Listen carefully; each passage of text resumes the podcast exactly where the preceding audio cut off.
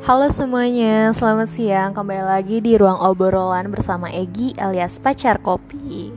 Oke, kemarin pada banyak yang nyuruh kayak, ayo lanjutin lagi Gi podcastnya. Kemarin kan katanya ada part 2 nih, tapi kayaknya nggak bakal ada part kedua deh. Soalnya kayaknya itu terlalu sensitif selanjutnya untuk apa? Cerita-cerita selanjutnya itu lebih sensitif dan maksud gue ya kayaknya nggak pantas aja lah untuk diceritain dan banyak teman-temannya kemarin teman-temannya doi yang nge DM gue yang bilang kayak wah kenapa tuh Gi? Kenapa tuh Gi? Gue takut aja ada yang cepu kayak ngadu-ngadu kayak gimana gitu ya. Tapi terserah sih kalau misalnya mau ngadu pun ya terserah lah mau ngelakuin apa tapi tolong jangan ngelakuin hal-hal yang kayak kemarin. Masa hal yang kayak kemarin tuh nggak bakal gue spill sih karena itu kayak terlalu sensitif untuk didengar dan gue takut kalau gue up bah pecah banget dan nanti beliau makin marah dan melakukan hal-hal tersebut melakukan hal-hal ya menurut gue kayak nggak pantas aja lah dia untuk kayak ngelakuin itu ke gue gitu. Dan kenapa gue nggak jadi sama beliau ya menurut gue mungkin salah satunya Tuhan masih sayang sama gue. Gue dia nggak boleh apa namanya Tuhan menyelamatkan gue dari orang seperti dia. Dan juga ada momen di mana dia nyuruh gue milih antara bokap gue atau dia. Ya menurut kan bego nggak sih dia kayak nyuruh gue milih milih dia sama bokap gue. Ya jelas gue milih bokap gue. Emangnya dia siapa? Mas gue bukan berarti kalau gue sayang gue milih dia bego banget sih. Gue nggak sebuta itu kali. Yang asal dia tahu ya gue misalnya anaknya tuh cuek dan yang ya loh ah udahlah gitu. Dan gimana ya dia nih udah banyak kebohongan gimana dan segala macam. Dan abis kejadian itu pun dia jelek-jelekin gue sampai teman-temannya tuh bisa ngucapin kata-kata yang menurut gue itu kayak nggak pantas. Dan baru kali itu gue dikatain orang kayak gitu gue dibilangin kayak bangsat bajingan brengsek. Gila banget. Dan itu gue denger sendiri. Itu kayak gue kaget aja sih pas dia ngomong kayak gitu kayak wah kacau lo playing victim banget nih orang. Karena beberapa orang itu ya denger hanya dari sebelah pihak aja. Mereka nggak ngerti. Maksudnya mereka nggak tahu cerita sesungguhnya kayak gimana. Ya mungkin kalau ada, ada teman-temannya dia yang denger podcast gue ya terserah lo mau mengasumsikan gue seperti apa ya. Tapi emang itulah dia. Dan dia tidak sebaik yang gue pikir. Labelnya aja religius tapi ya gitu deh. Terus juga kayak kemarin adalah ya pokoknya gue doain aja lah semoga dia tuh menjadi lebih baik. Terus juga gue denger dengar katanya dia mau nikah katanya. Gue nggak tahu sih bener apa enggaknya. Gue takutnya dia cuma kayak ngegap gue doang. Padahal gue mah nggak peduli juga mau nikah atau enggak. Ya kalau nikah ya bagus. Nggak ada yang ganggu gue lagi. Dan terus juga satu kayak ya semoga dia berubah lah ya lebih dewasa. Dan itu juga salah satu gara-gara dia juga sih gue gue trauma mau bawa laki-laki ke rumah dan sebenarnya bokap gue kayak nyuruh gitu kan kayak kalau ada orang yang baik atau gimana boleh lah dikenalin. Tapi kayak gue trauma deh gue takut hal itu terjadi lagi. Maksudnya ya mungkin kalau gue bawa cowok yang tepat ya mungkin bokap gue nggak bakal kayak gitu sih.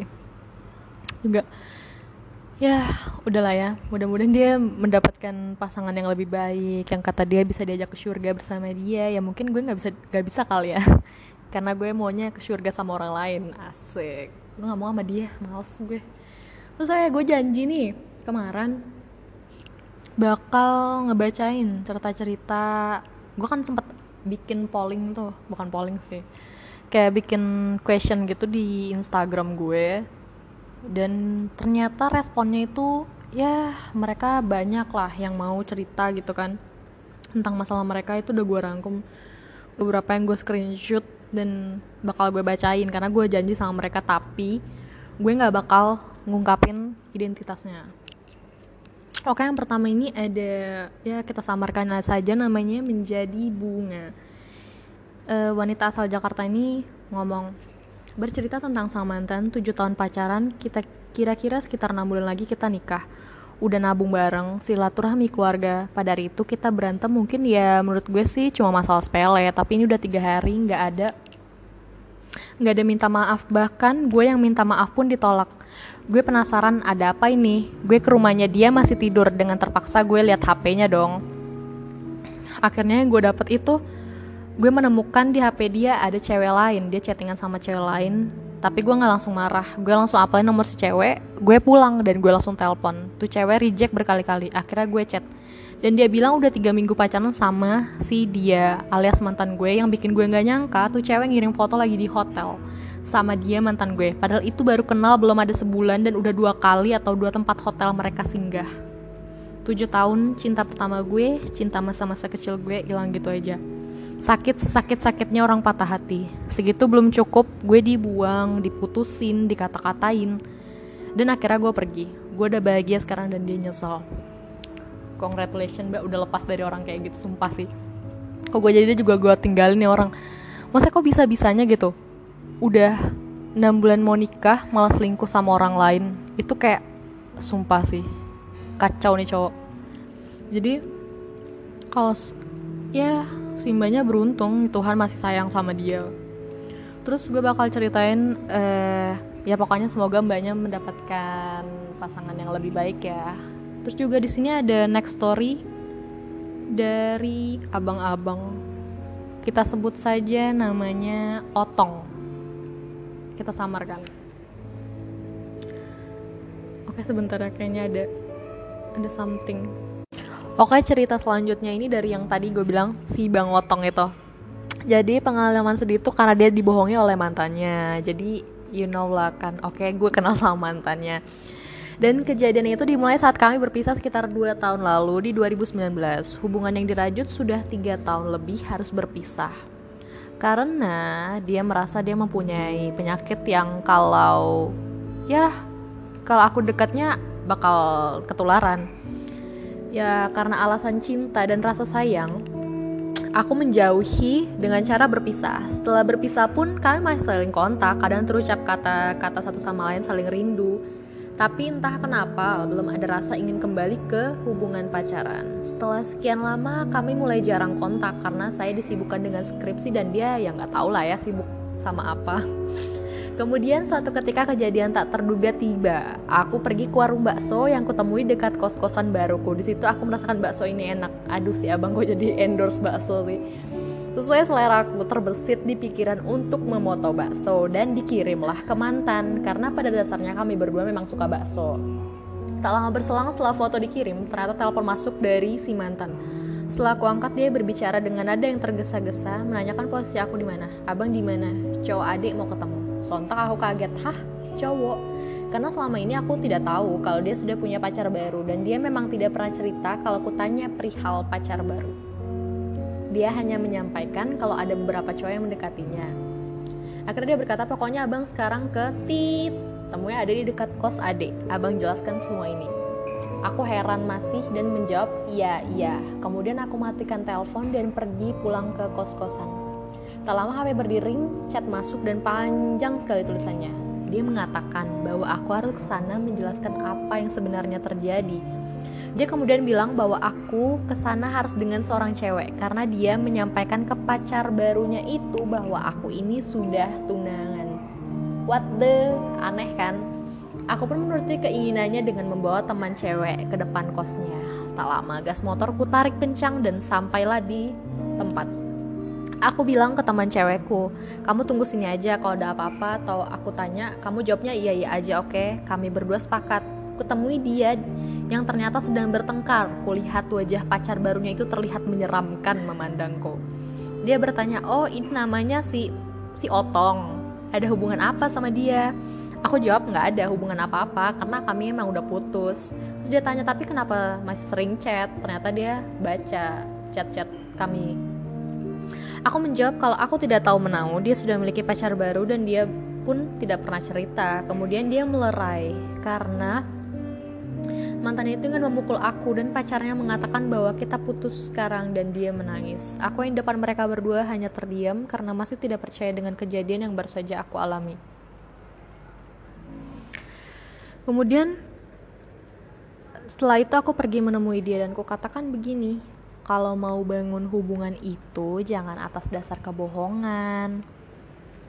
Bagaimanapun bangkai itu kalau disembunyiin bakal ketahuan juga kejadian itu membuat mataku tidak bisa tidur Dua hari berselang, mataku susah untuk percaya dan aku pun semakin mencari tahu yang sebenarnya.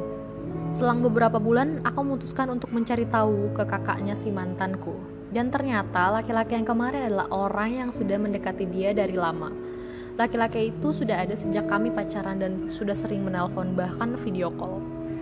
Kenapa bisa tahu? Karena kakaknya itu sekamar dengan dia waktu ngekos di kota dan aku baru mengetahui bahwa ketika di rumah orang tuanya aku sering dijelek-jelekin hanya karena aku bukan dari keturunan kaya, masih anak kuliahan. Itu adalah pengalaman pertama dalam hidup yang membuat aku jerah percaya berlebih dengan pacar. Semuanya cok, ini cewek ini kampret sih sumpah. Maksudnya dari dan kebetulan ya gue kenal sama mantannya ini. Si cewek ini nih sering kayak si Otong ini udah bucin banget sama dia. Bahkan dibeliin baju apa pun yang dia mau bakal dikasih. Dan sumpah ini cewek kok nggak takut karma gitu ya? Dia ngejalin hubungan aja dari awal udah bohong. Maksudnya kalau misalnya seandainya Allah mau bales gitu ya misalnya dia dia ini kan udah nikah nih. Si cewek kebetulan udah nikah baru nikah Terus seandainya dia sama pasangannya digituin apalah perasaan dia? Menurut gue karma aja sih itu dia. Terus juga ada cerita ketiga ini ya gue nggak bakal terlalu rinci juga karena ceritanya ini tentang dan ini LDR beda negara Indonesia dan Malaysia. Bayangin udah bukan beda kota lagi tapi beda negara. Mereka ini mau nikah tapi harus terhalang oleh bukan restu orang tua bukan orang ketiga tapi gara-gara pandemi corona. Lo bayangin aja putus gara-gara corona ini aduh dasar virus. Nyusahin aja jadi. Karena di Malaysia itu ketat banget dan si tunangan si cewek ini si mbak ini itu kerjanya PNS gitu. Jadi peraturannya ketat dia udah izin sih mau nikah tapi nggak dikasih restu dari perusahaan. Karena kalau mereka bilang Indonesia itu udah banyak banget kasus yang terkena covid jadi kayak takut aja kalau misalnya seandainya si laki-laki ini membawa si mbak ini ke sana tuh kayak membawa penyakit ke saya nambahin populasi. Karena di sana juga udah banyak juga yang kena jadi kayak mereka tuh lebih warning aja sih. Menurut gue maksudnya ya ampun nyesek banget gak sih nggak jadi nikah gara-gara si corona ini? Terus juga kayak negara tidak merestui. Oh my god. Masih sebenarnya masih ada cerita-cerita lain cuman nggak bakal gue spill karena menurut gue terlalu sensitif aja untuk diceritain. Terus juga ada beberapa yang nge-VN cerita saking dia males ngetik. Jadi nge-VN nih. nge-VN-nya itu sambil nangis-nangis. Pas nangis-nangis pun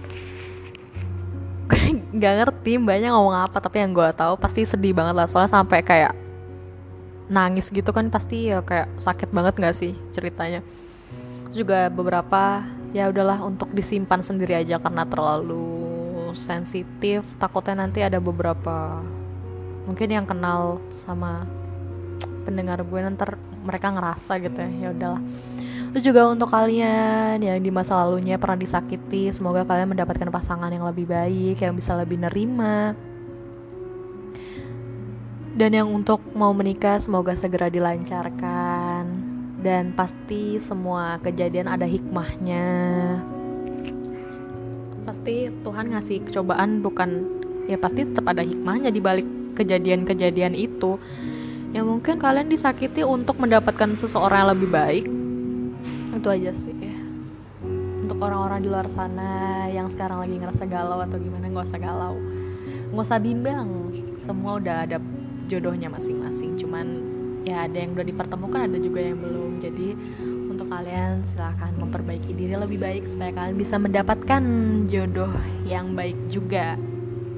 Mungkin cukup sekian podcast gue hari ini.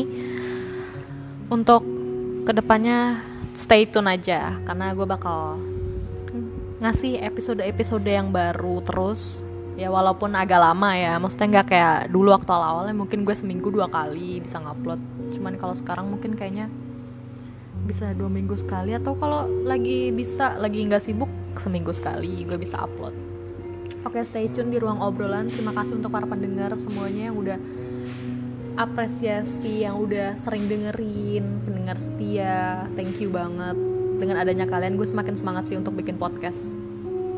Thank you. Uh, stay stay healthy and stay happy. Oke. Okay?